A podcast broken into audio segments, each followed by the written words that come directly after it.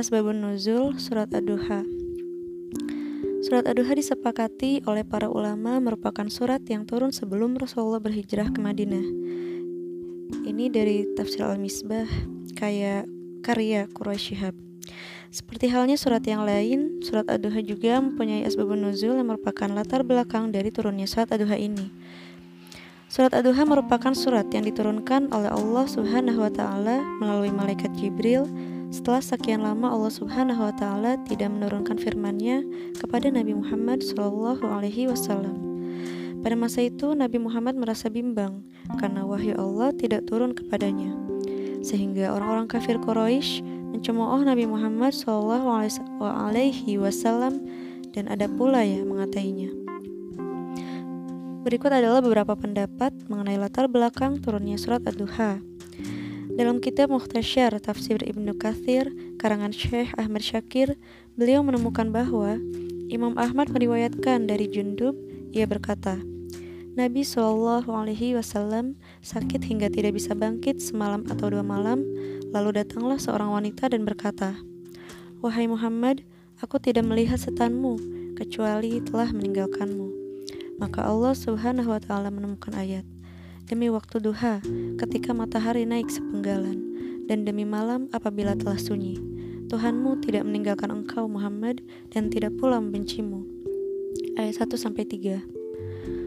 Beberapa ulama salaf di antaranya Ibnu Ishaq telah menyebutkan bahwa surat ini adalah surat yang diwahyukan Jibril kepada Nabi Muhammad Shallallahu Alaihi Wasallam ketika ia menampakkan diri kepada beliau sesuai wujud asli dari malaikat Jibril. Ini menurut uh, Mukhtasar Tafsir Ibnu Katsir. Beberapa mufasir sepakat bahwa latar belakang turunnya surat ini adalah karena keterlambatan turunnya wahyu kepada Rasulullah Shallallahu Alaihi Wasallam. Sampai-sampai ada yang mengatakan Muhammad telah ditinggalkan Tuhannya dan dibencinya. Meskipun demikian, beberapa mufasir berbeda pendapat mengenai beberapa hal. Di antaranya adalah ini menurut uh, Aisyah Abdurrahman bintu Syati, tafsir bintu Syati. Satu, menurut satu riwayat, Rasulullah Shallallahu Alaihi Wasallam mengadu kepada istrinya Sayyidah Khadijah radhiyallahu anha tentang terputusnya wahyu. Beliau berkata, sesungguhnya Tuhanku telah meninggalkan aku dan membenciku. Kemudian Khadijah radhiyallahu anha berkata, tidak, demi Dia yang mengutusmu dengan kebenaran. Allah tidak memulai kemuliaan ini kepadamu kecuali Dia ingin menyempurnakannya untukmu. Maka turunlah ayat, Tuhanmu tidaklah meninggalkanmu dan tidak pula membencimu. Dua, menurut riwayat lain mengutarakan bahwa Sayyidah Khadijah bimbang atas keterlambatan turunnya wahyu.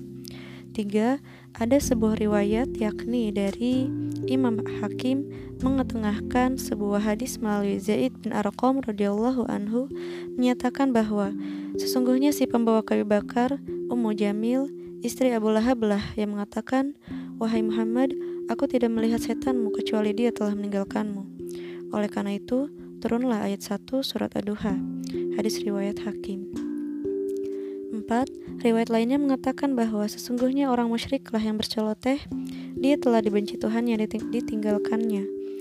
5. Ada pula yang meriwayatkan sebab penundaan wahyu tersebut, yaitu tatkala orang Yahudi bertanya kepada Rasulullah Shallallahu Alaihi Wasallam tentang ruh, kisah Zulkarnain dan kisah Asbahu, Ashabul Kahfi, penghuni gua, beliau menjawab, datanglah kepadaku esok pagi agar aku ceritakan.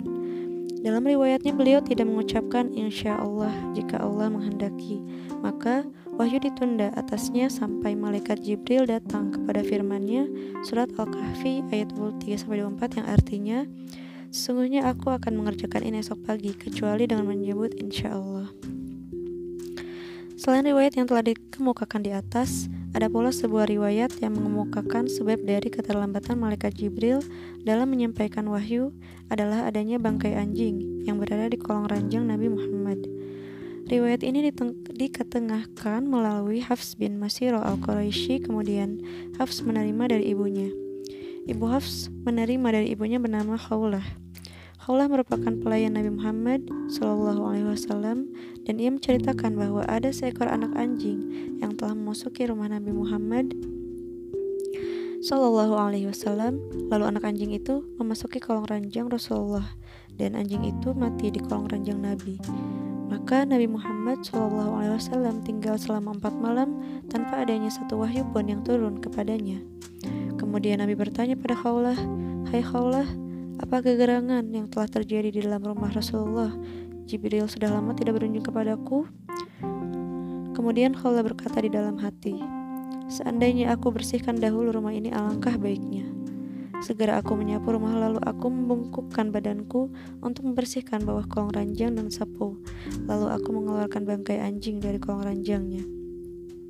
Ketika Nabi Muhammad Wasallam datang, tiba-tiba tubuhnya bergetar, sehingga pakaian jubah yang disandangnya pun ikut bergetar. Sesungguhnya Nabi Wasallam apabila turun wahyu kepadanya maka tubuhnya tampak bergetar. Lalu Allah Subhanahu Wa Taala menurunkan wahyu yaitu surat Ad-Duha ayat 1 sampai 5. Sehubungan dengan hadis ini, Hafiz Ibnu Hajar memberikan pendapat bahwa hadis ini memang terkenal. Namun untuk dijadikan sebagai asbab nuzul surat Ad-Duha, maka hal ini menjadi gharib yakni aneh bahkan syaz dan ditolak karena ada bukti yang menyanggahnya di dalam kitab Satrih. Saat ini merupakan awal dari oh, maaf, surat ini merupakan awal dari surat yang dinamai Kis al al Mufas. Ketika turunnya surat ini, Nabi Wasallam bertakbir mengucapkan Allahu Akbar. Dan dari pengalaman beliau inilah para ulama menganjurkan agar setiap selesai membaca surat ini dan surat-surat yang tercantum dalam mushaf sesudah surat ad-duha agar bertakbir pula baik pembacaan tersebut dalam sholat, dalam sholat atau di luar sholat.